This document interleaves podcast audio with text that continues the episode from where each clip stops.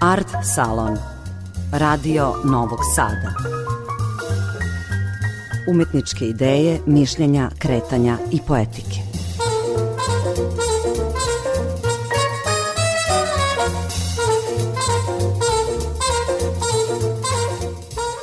Knjigom Rekonzervacija Galerija Matice Srpske u godini u kojoj obeležava 175. godišnjicu predstavlja novine u oblasti konzervacije i restauracije u poslednje dve i po decenije. Reč je o publikaciji koja u pričama o razlozima, odlukama, tehnikama, o nedoumicama i iskoracima govori o konzervaciji kao svakodnevici te ustanove.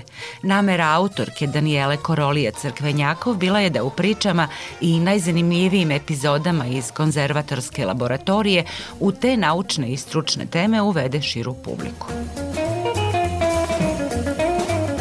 Naslov knjige Rekonzervacija upućuje na novomilenijumski odnos prema tom materijalnom nasleđu kome se vrednost meri pažnjom generacija posvećenom proteklih godina i vekova.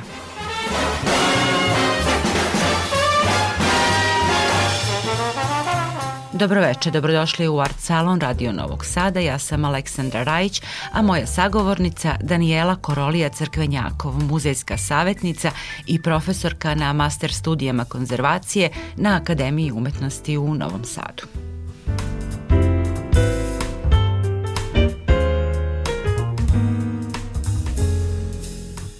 Ta knjiga predstavlja jedan presek, jedan jedno sumiranje e, perioda razvoja konzervacijog odeljenja galerije, pa i cele galerije, praktično u 21. veku kada je, ako govorimo o konzervaciji, jako puno novih tehnologija uvedeno uh, u svetu, uh, kako smo mi to pratili, kako smo mi to uvodili, kako je u sklopu modernizacije galerije kao jednog muzeja koji zaista doživao veliku transformaciju u tom periodu, kako se takođe konzervatorsko deljenje zajedno sa ostalim odeljenjima e, tu uklapalo, kakve smo rezultate imali, kako smo, to je na neki način period mog rada u galeriji i osvrtanje unazad, ne zato što je to moj deo, nego zato što je to prosto, mogla sam eto ja od početka do kraja tog perioda da kažem kad sam došla, od kad sam, do kad sam otišla, šta između smo uspeli da uradimo. Evo sad samo na početku ukratko, a posle ćemo razložiti u detaljima kakve su se i da li su se i kakve su se dramatične promene u konzervaciji desile u tih posljednjih 25 godina i sa stanovišta razvoja tehnike i tehnologije i naravno onoga čime se bavi galerija. Što se tiče konzervacije, najveću promenu donela je bliska saradnja nauke, fizike, hemije, biologije, i tako dalje sa konzervatorima. To je donelo mnoge nove alate konzervatorima, nove metode e, za jedan finiji, pažljiviji rad, kad govorimo recimo o konzervaciji slika, tu se jako uh, puno promenilo u pristupu čišćenju slika, o tome smo publikovali takođe jednu knjigu pre ovoga, pre dve godine. E, zatim, stalno, sad već da kažem, konzervatorska industrija, odnosno industrija materijala, proizvodi materijale namenjene specifično za konzervaciju i to tržište treba na neki način da se prati, jer su to stalno neki materijali koji su vam novi, pa onda malo komunikacija s kolegama iz drugih zemalja, tu smo isto jako puno uspostavili saradnji i razmene iskustava koje su bile dragocene, kako ćemo mi te materijale, da li ćemo ih primeniti, da li su za nas adekvatni i tako dalje. Što se tiče celog muzeja, e, bilo je puno zanimljivih izložbi i projekata o kojima se u knjizi govori takođe e, sa raznim konzervatorskim izazovima. Imali smo recimo velike projekte konzervacije ikonostasa iz e, Budimske eparhije, to je bio jedan mega projekat za nas koji sam ja vodila i u kome učestvovalo puno ljudi.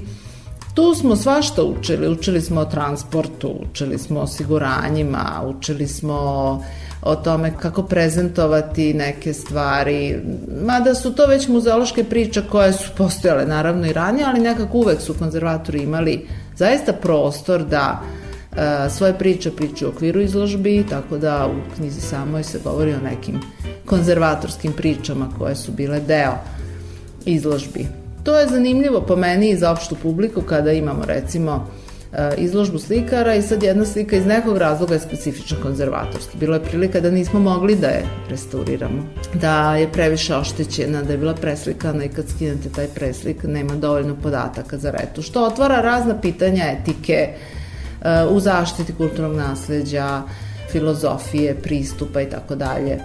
Tako da su sve te priče bile i naš doprinos radu, konzerva, radu galerije uopšte i publici. Knjiga je univerzalno čitljiva, dakle namenjena i široj publici i onima e, koji bi se eto uneli i udubili u to šta je istorijat konzervacije u galeriji Matice Srpske. Zašto je važno ovu delatnost, ovu nauku konzervacije učiniti i na ovaj način vidljivom? Ja duboko verujem da recimo muzejski posetioci mogu da znaju i zašto da ne, koliko ih zanima, mogu da budu obavešteni na ovaj način nekim stvarima koje su obično u drugom planu kada dolazite kao posetilac u muzej. Obično se kaže to je nešto onako iza zavese, ali ne mora da bude iza zavese. Mi smo te delatno, tu delatnost jako puno iznosili na podijum, da kažem, ovaj, kao neku predstavu Bilo je izložbi koje su bile e, rezultat samo konzervatorskih e, e, projekata, ali u najvećoj meri naravno pratili smo ono što je izložbena delatnost galerije. Da bi opšta publika, kada govorimo o opštoj publici, da bi opšta publika mogla da na neki način sa razumevanjem prati te priče ili čak diskutuje o nekim konzervatorskim pitanjima, mora da bude obaveštena, morate imate neko znanje. Tako da su, recimo, često smo držali predavanja koja su bila namenjena opštoj publici, gde je na jedan način koji je razumljiv, i edukovana, da kažem, zainteresovani, zainteresovani ljudi, da mogu da kvalifikovano u krajnjoj liniji daju svoje mišljenje, jer vi možete o nečem diskutovati, da imate osnovne informacije. Ja sam jako volela kad se publika uključi u takve diskusije. Pretpostavljam donese je neka univerzalnija shvatanja, pitanja, značenja o tome šta je kulturna baština, šta je to nasledđe, od čega smo i od kakvog materijala, od kakve kulture sazdani. Naravno i Uh, uvek je zanimljivo kada mi, mi kao stručnjaci u zaštiti kulturne baštine uh, smo nekad malo zatvoreni u svom krugu razumemo se, imamo naše teme. I onda kad se otvorite i počnete razgovor sa nekim drugim, recimo imate broj situacije, imamo psihologa u publici koji vrlo lepo postavi neko pitanje ili tako da neko svoje viđenje koje onako i vas hm, hm, za, zamislite se, može i tako da se gleda i taj dijalog je jako zanimljiv.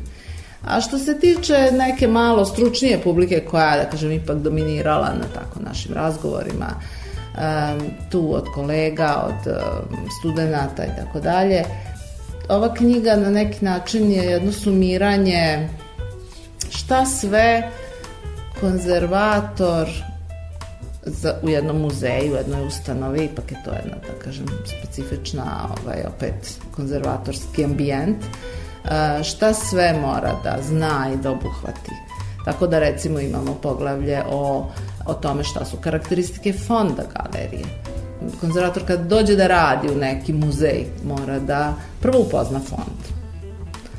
I meni je trebalo kad sam došla da radim neko vreme da upoznam fond šta ima slike, kakvih tehnika, šta sve još ima, skulpture, crteži, grafike, drugi miks mediji. Ja kad sam došla u galeriju 2001. godine, atelje je bio skoro ispražnjen jer je to bilo posle 90-ih onih i tako nekako je otišli, otišlo je ljudi, bilo je tu, bile su tu jedno dve mlade koleginice koje nisu imali iskustva i ja sam došla sa velikim entuzijazmom da se to uh, unapredi i tako dalje, već sam bila dosta iskusan konzervator, školovan u inostranstvu i tako dalje. Ali, na primer, radila sam u zaštiti, u Zavodu zaštite spomenika kulture i ja sam došla u muzej i sećam se, sam mislila, pa dobro, konzervator, konzervator, slike, slike, ikone, ikone, ja sam shvatila da ja nikad nisam se bavila uramljivanjem slika. I tako jedna banalna možda stvar, uopšte nije banalna, ali shvatite da ne znam šta bih rekla ni kako to da gledam. Onda sam počela da učim o drugim stvarima, da proučavam fond, tehnike i tako dalje. I to je beskonačan posao. To je, ja obožavam taj deo posla, uvek sam e, nekako gurala projekte u kojima se proučava na jedan duboki način konzervatorski materijali, tehnike. Tu je velika saradnja s naukom razvijena da bolje razumemo naše nasledđe u tom aspektu kako su recimo pigmenti putovali, kako su slikari nabavili, ko je s kim komunicirao i to vidite nekad kroz te materijale. To su zanimljive priče koje onda posle postaju priče. Vidite veze sa drugim uticajima. Um, ovde u Vojvodini je to toliko isprepleteno da je ovaj, jako zanimljivo eh, povlačiti takve paralele. Da, u knjizi ima gomilo detalja upravo o, o tome. Ima i zanimljive leksike u knjizi, pretpostavljam koja će čitaocima biti zanimljiva. Kaže, jedan naučni skup, čišćenje etika, tehnika i estetika. Dakle, potpuno na prvi pogled nepovezane stvari. Onda konzervatorske odluke, razumevanje umetnikovog izbora materijala, to mi je jako zanimljiva priča o zografskim ikonama koje su bile materijalno, tehnički siromašne, ali izuzetne e, likovnosti. Dakle, e, ovom knjigom zapravo pokušavate da obuhvatite barem deo onog posla sa kojima se svakodnevno susrećete. Ima li u tome nekih anegdota, nekih najvećih izazova, onoga što bi medijski recimo bilo zanimljivo, naj, naj. Jedno, mislim da počinjemo priče u knjizi, to su onako segmenti jedni malo i drugačije dizajnirani pa se lako pronalaze. Priče najveće slike u galeriji. To je bila, galerija ima jednu zbirku kopija fresaka, koje kad pomislite na kopije fresaka, vezujete ih, freske su vezane za zidove, znači vezane za građevine, ali ta kopistika je kod nas. To isto malo ljudi relativno zna da kopistika je kod nas jedna lepo razvijena oblast e, recimo da je na osnovu te, da kažem, delatnosti formirana galerija Fresak u Beogradu i tako dalje, a o, galerija ima jednu lepu ovaj, kolekciju i jedna od tih velikih najveća 15 metara dugačka i 3 metra visoka, jedna ogrom, to su u stvari slike na platnu kada se kopiraju, odjedno to više nisu zidne slike, druga je tehnika, ali ih imitiraju i pokretne su. Znači, to su sad muzejski predmeti. I sad vi imate jednu sličurinu od 15 puta 3 metra, koja kada je trebala da se renovira velika sala u prizemlju galerije, uh, trebalo da se skine, naravno to ne može da izađe kroz jedna vrata, ne može da se iznese. I onda smo mi u stvari shvatili, proučavajući malo prvo dokumentaciju kada je ta slika uneta, kako ona je morala biti postavljena, znači slike se napinju na ramove i to je urađeno u toj sali i okačeno na zid. I kad smo mi to skidali, to je posle 50-60 godina prvi put skidano. Ove, I mi smo je morali takođe skidati sa rama, rolati na ovaj, rolne i na taj način ovaj, izneti prvoj sale da mogu uđu majstori da okreće. A, potom smo e, izmišljali ceo niz sistema kako ćemo je restaurirati u ateljevu koji nije 15 metara dugačak. I to je jako inventivna priča i to je taj deo konzervatorske kreativnosti koji kad ja pričam sa studentima, ja kažem konzervator ne mora da bude umetnički kreativan u smislu sada, ne znam, kreativac, slikar, nego, ali ima jako potrebu za kreativnošću u jednom smislu kako da rešim problem.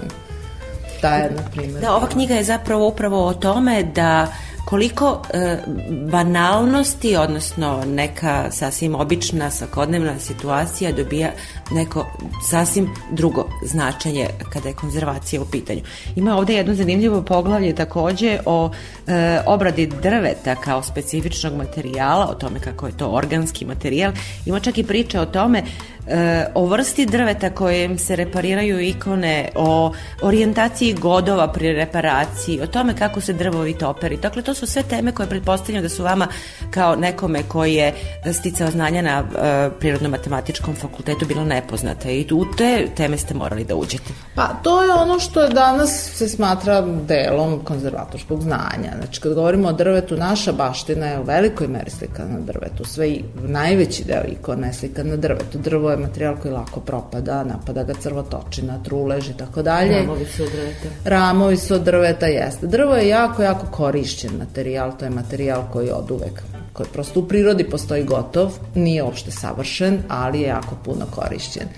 I za takve e, lepe slike, slikane na nesavršenim daskama, e, pokazuju jako puno procesa degradacije. I tu se sada konzervatori celog sveta Mi smo mi ekskluzivni za slike na drvetu, mislim se u celom svetu se drvo koristi za oslikavanje, tako da su konzervatori celog sveta proučavali kako se ponaša drvo sa tehnikama konzervatorskim starim, pa zašto to ne funkcioniše, pa kako novo. E tu mi recimo smo uhvatili korak sa svetom, skroz smo prihvatili nove metode, one su potpuno jasne, objašnjene zašto. I tu ono što ste spomenuli, e, čišćenje etika, tehnika i estetika, ja sam jako ponosna na taj naziv, smo mislili zaista to sve obuhvata. Ali evo čak i u drvetu možemo govoriti o etiku, tehniku i estetiku.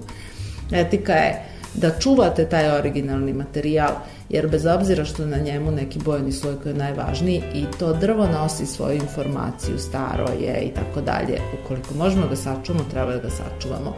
Tehnika je šta sve s njim možemo i kako da uradimo, taj tehnički deo posla koji je zaista veoma bitan da se uradi vešto i dobro u konzervaciji. A estetika opet kako će to sve izgledati na kraju, jer kad prezentujete taj predmet posle konzervacije, on pre svega njegov krajnji izgled diktira ono što je njegov smisao, poruka, to je bojeni sloj, slikani sloj koji je njemu.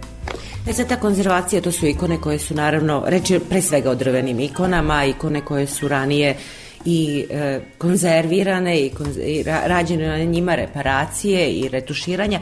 Konzervacija u Galeriji Matice Srpske postoji od polovine 20. veka. Šta je novin milenijum e, doneo, kakve sve, naravno ukratko, kakve sve tehničke i tehnološke promene i kakav taj novi odnos prema toj baštini, šta je, na čemu morate da radite zapravo, pošto je e, u ovoj knjizi koju ste sad nedavno objavili povodom 175. godišnjice Matice e, galerije Matice Srpske, reč pre svega, a tako je i naslonjena, o rekonzervaciji.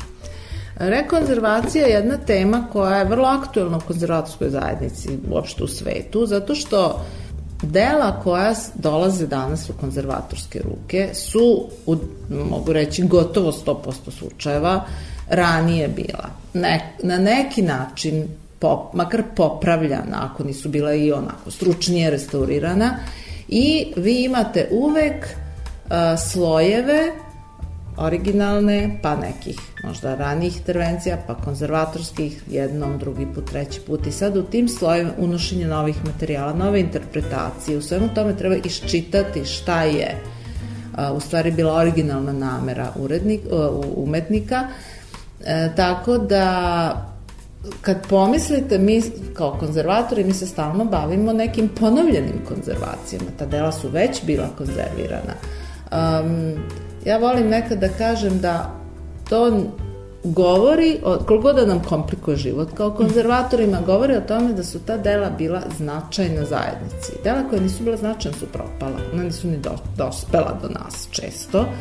Ona koja su bila značajna su stalno popravljana, i na taj način su i dospali do današnjih dana. I sad konzervatori rade rekonzervaciju. Mislim, taj jedan termin smo uzeli koji se pojavljaju u svetu i bilo je puno konferencija na tu temu, da bismo podcrtali to da mi radimo stalno, se vraćamo, to je jedan krug zaštite nasleđa gde je predmet kada se jednom konzervira, živi svoj život, materijali neminovno, stare i dalje, entropija je proces koji se ne može ni na koji način zaustaviti, možemo ga usporiti, možemo kontrolisati malo, da taj novi konzervatorski postupak odložimo. Cilj je da ne jurcamo u novu konzervaciju, nego da uradimo sve što možemo tako da odložimo taj novi konzervatorski tretman, jer svaki nosi rizik. Za delo je najbolje da se što ređe nađe u konzervatorskom materijalu. To znači da i vi kao stručnjaci očekujete sud kritike nekih budućih generacija konzervatora. Zapravo, kakav je odnos prema onima koji tek dolaze?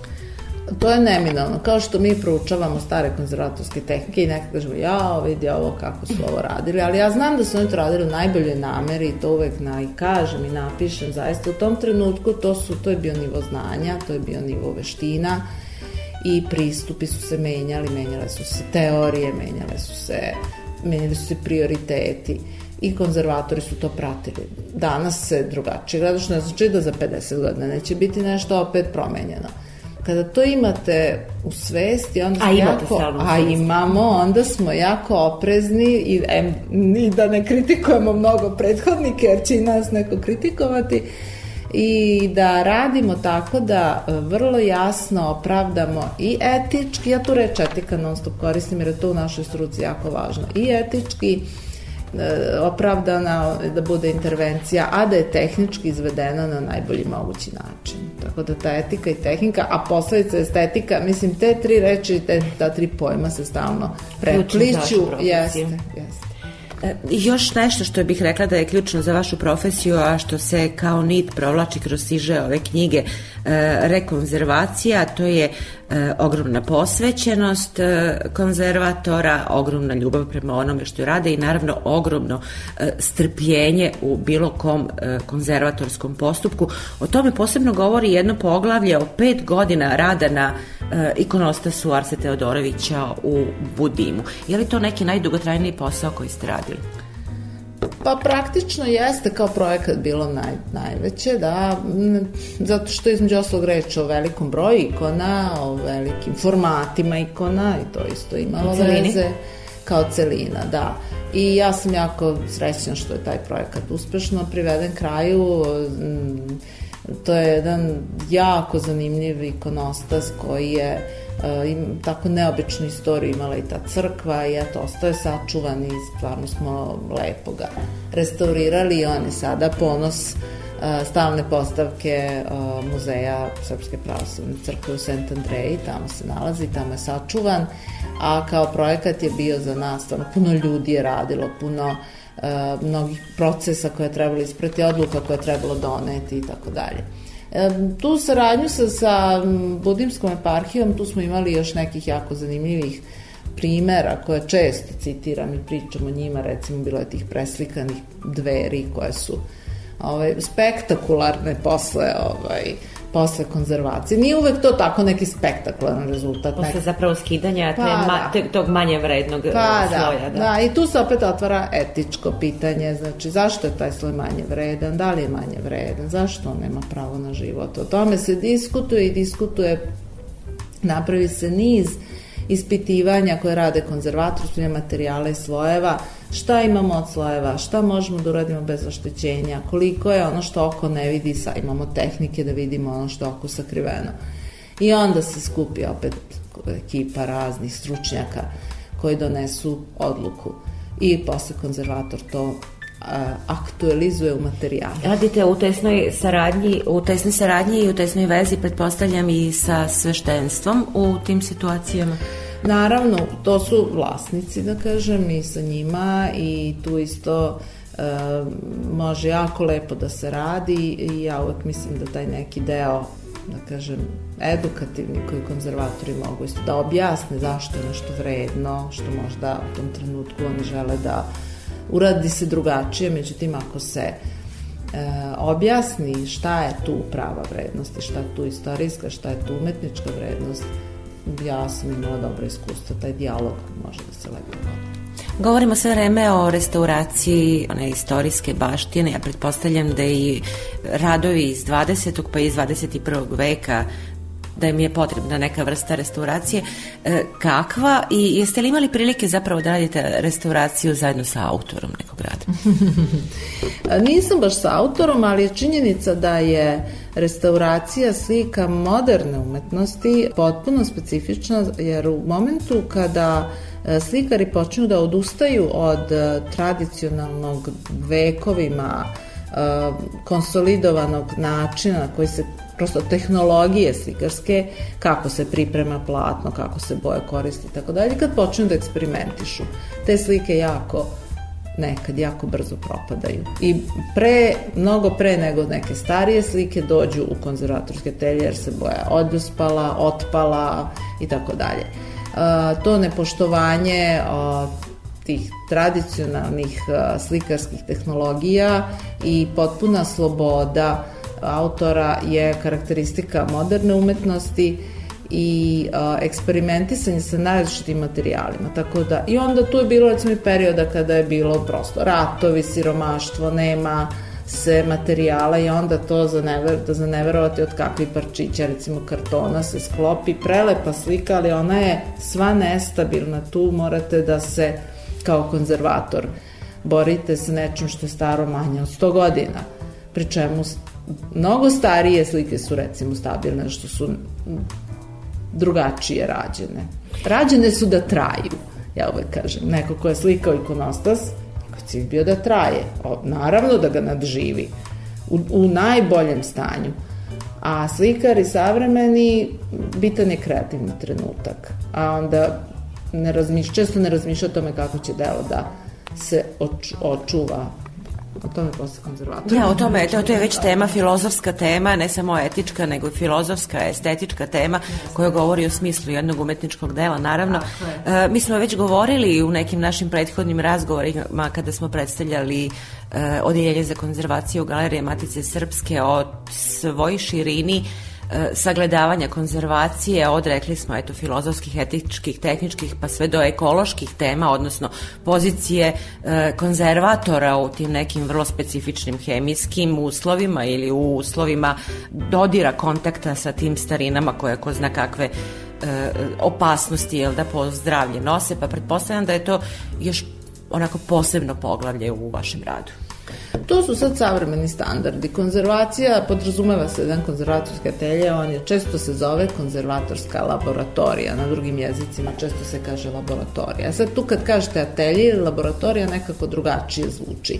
Atelje više zamišljate kao umetnički slobodan, a laboratorija nešto sa procedurama, sa čisto organizovano, sa merama zaštite na radu. Naravno da to sve danas. Danas treba funkcionišemo kao laboratorija, prosto to je potpuno normalno, tako da se jako velika pažnja obraća na e, to da se koriste netoksični materijali. Konzervatori su ranije bili jako često u kontaktu sa, sa baš otrovnim hemikalijama koje su dobre za rastvaranje boja i tako dalje, ali nisu nikako dobre za zdravlje.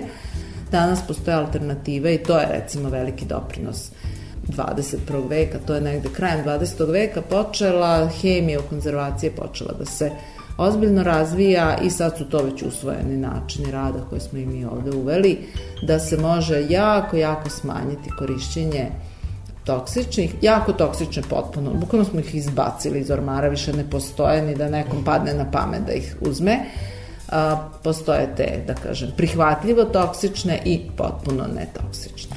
I to sve upućuje na, upravo na tu temu o sveobuhvatnosti, o interdisciplinarnosti e, konzervacije kao discipline i kao nauke i o vašoj tesnoj saradnji i sa Nuklearnim institutom u Vinči i sa fakultetima prirodno-matematičkim, tehničkim, tehnološkim u Novom Sadu i sa brojnim institucijama u svetu. Dakle, produkt onoga o čemu govorite u ovoj knjizi, konzervaciji 21. veka, poslednjih 20 nekih pet godina u Galeriji Matice Srpske jeste upravo ta tesna naučna saradnja sa brojnim institucijama. Jeste, tu je galerija zaista, možemo reći, lider u ovoj zemlji i ja sam jako srećna i ponosna zbog toga. Um, u, da kažem, svakodnevnom konzervatorskom radu ne mora se možda uvek uraditi toliko analiza i ispitivanja. Neke su već ušle kao standardne metode i to svakako bi svi trebali koriste, ali koliko postoji mogućnost, ukoliko postoji uh, razvijena saradnja ili volja da se ta saradnja razvije, uh, može se napraviti uh, jedan mali čvor konzervatorske nauke, što smo mi ovde uspeli da uradimo, kroz saradnju sa ustanovama koje imaju odgovarajuću opremu i to je rezultovalo vrlo lepim i naučnim radovima, to je sad jedan, jedna višnica na torti koja je rezultat naših napora da razvijamo taj deo nauke u, bliskoj saradnji konzervatora i fizičara, hemičara i tako dalje. Na neki način i oni su unapređivali svoje metode pod našim, da kažem, ograničenjima. Da ne može baš šta njima padne na pamet ili takvi uzorci, pa to je sad već da se koriste neinvazivne metode, da se da, da se oprema donosi u muzej, a ne da dela se nose van muzeja. Ali to su već, da kažem, svetski standardi koji postoje, samo smo mi to kod nas uvodili. Imali smo puno saradnji sa uh, Kunsthistorisches muzejom u Beču, sa uh, Firencom, sa Ljubljanom. Znači, zaista smo imali, što se tiče te saradnje, da ima naučne i konzervatorske nauke. Tako da mislim da su i mlađe kolege ovde, njima je potpuno normalno da tako nešto se radi, to i treba tako da bude i ja mislim da je to jedan isto lep rezultat, evo kad sad sumiramo recimo tih posljednjih 20 i neku godinu, od praktično nula ispitivanja došli do toga da Bosna. Da, ima u knjizi e, ukratko naravno i o tome, o tim novim tehnološkim i tehničkim naučnim dostignućima od ispitivanja pigmenta do reflektografije gde se vidi onaj e, donji sloj ispod slike i e, do recimo nekih digitalnih snimaka o tome kako idu, ako se dobro shvatilo, one pukotine da, po da, slici, da, da, dakle kako se reparira slika možda i ovime da prosto da završimo uh, ovaj razgovor i da otvorimo neka pitanja i za budućnost. E, Galerija Matice Srpske, pomenuli ste u ovoj knjizi, ima mali, ali ima i fond digitalnog materijala. Imate li uopšte ideje kako čuvati, arhivirati, reparirati taj digitalni materijal, odnosno kako se prema njemu odnositi? To je, moram priznati, za, za, i za u svetu konzervatore još uvek nova tema. Mada nije više tako nova ta digitalna umetnost, ali nekako konzervatori tradicionalno razmišljaju nečemu što je materijalno i već sve što je konceptualna umetnost, što recimo nema materijal, što ima zapis. Pa, ali to je da. dokumentacija koja kako se čuva ili kao analogna ili digitalna fotografija ili kao digitalni zapis. Znači, prelazimo iz materijalnog u drugi materijal, u neki magnetni zapis, neku magnetnu traku, neki magnetni disk.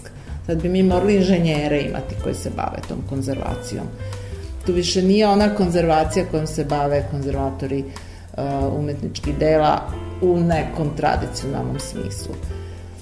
Ako govorimo o fotografijama, o fotografijama opet, opet o analognim nekako više bi, bi se snašli uh, fotografije na staklenim pločama, fotografije na papiru, želatinski, znači ono što je bila analogna fotografija, a i ta tehnologija je već prevaziđena. A šta vas zapravo pitaju vaši studenti Pa mi koristimo jako puno digitalne medije u konzervaciji, a, kao što ste spomenuli te recimo analize krakelura, znači to se u saradnji sa softverskim inženjerima, ali to su tako metode ispitivanja, to je sve opet jedna napredna dokumentacija. U suštini uvek jedna napredna dokumentacija. Konzervacija digitalnog zapisa nema, ja koliko znam, digitalni zapis se očuvava stalnim kopiranjem jer, jer i magnetni medijum nije neograničenog traja, znači morate stalno kopirati, ali time se bave softverski inženjeri, tim, to, to sad stvarno izlazi iz okvira, one klasične konzervacije, ali ne znači da muzej kao muzej ne treba o tome da vodi računa. Konzervacija u Galeriji Matice Srpske, dakle, još uvek je ona manuelna, strpljiva, posvećena i milimetar po milimetar, tako je radite. Tako je, ja uvek kažem studentima, ako neko je nervozan, taj bolj da odmah odustane. Znači, konzervacija nije za nervozne ljude koji hoće brz rezultat. Konzervacija je za one koji su spremni da provedu sate u promišljanju, proučavanju neke površine, u strpljivom radu, jer je to prosto karakteristika struke. I onda stvarno uživate dok radite. I ovde je jedna lepa smena generacija napravljena, tako da je zaista ovaj atelje nastavio da radi, mislim to što sad ja trenutno mislim u njemu nije nikakav problem, zaista vidim jedan lep legat, jedno što je ostalo, to nije samo moj, to je ceo muzej koji je svi koji su tu donosili odluke kako smo zajedno razmišljali o tome. Kako sve segmente muzejskog rada napređivati, kako da se sarađuje, a i jedan od tih segmenta je konzervacija koja se prožima kroz jako puno proizvoda ili procesa koji se dešavaju u muzeju. Slušali ste Art Salon prvog programa radija. Moja sagovornica bila je Daniela Korolija Crkvenjakov, konzervatorka. Emisiju su realizovali Zoran Gajinov, Marica Jung, ja sam Aleksandra Rajić. Želim vam prijatno veče i pozdravljam do sledećeg utorka i narednog Art Salona o kulturi i njenim akterima. I hear him before I go to sleep and focus on the day that's been I realize he's there when I turn